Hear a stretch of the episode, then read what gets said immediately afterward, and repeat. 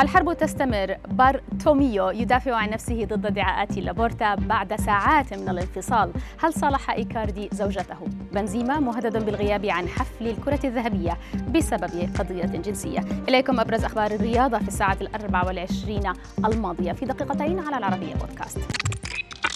في برشلونة أصبحت الاتهامات المتبادلة بين بارتوميو ولابورتا الأكثر تداولا بين مشجعي النادي الكتالوني على السوشيال ميديا. اليوم خرج الرئيس المستقيل مرة أخرى للرد على خليفته لابورتا عبر شبكة إي سبورتس 3 الإسبانية وفصل أسباب تراجع الدخل والخسائر المالية لبرشلونة بما لا يقل عن 330 مليون يورو العام الماضي وقام بتحميل مسؤوليتها بالكامل على رئاسة لابورتا.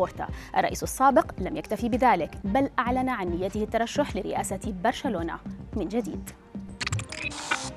ننتقل إلى باريس حيث من المقرر أن يقول القضاء كلمته غدا الأربعاء في قضية الابتزاز الجنسي الشهيرة للمنتخب الفرنسي والتي تورط فيها كريم بنزيما. نجم ريال مدريد الإسباني سيمثل أمام القضاء بعد أقل من 24 ساعة من مباراة فريقه أمام شختار بدور الأبطال. في الوقت الذي يحلم فيه اللاعب الفرنسي بالفوز بأول كرة ذهبية في مسيرته. إلا أنه للأسف بدلا من الصعود على منصات التتويج. قد يجد بنزيما نفسه في السجن ولمدة قيل إنها قد تصل لخمس سنوات في حال ثبوت التهم عليه. تضاربت الأنباء اليوم حول عودة أو انفصال واندا نارا عن زوجها إيكاردي وذلك بعد خروج الممثلة. وعارضة الأزياء يوجينا الشهيرة باسم تشاينا سواريز في برنامج تلفزيوني نفت فيه تماما أي صلة لها بلاعب باريس سان جيرمان الفرنسي.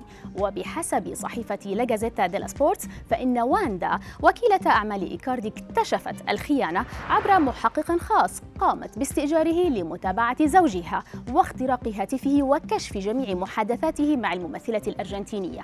حتى اللحظة واندا ما زالت متوقفة عن متابعة زوجها الذي ما زال ينشر صورا لها أثناء وجودهما معا في ميلانو في إشارة إلى اقتراب الصلح بينهما. والله أعلم. الختام مع خبر تزوير كامبا لاعب تشالكا الألماني السابق لأوراق رسمية وادعائه الوفاة في حادث مروري عام 2016 للحصول على مبلغ التأمين على حياته. وبحسب الأنباء المنشورة فإن اللاعب يخضع حاليا لمحاكمة في ألمانيا بعد اكتشاف كذبته وادعائه باحتجازه واختطافه كرهينة من قبل مجهولين ولفترة طويلة.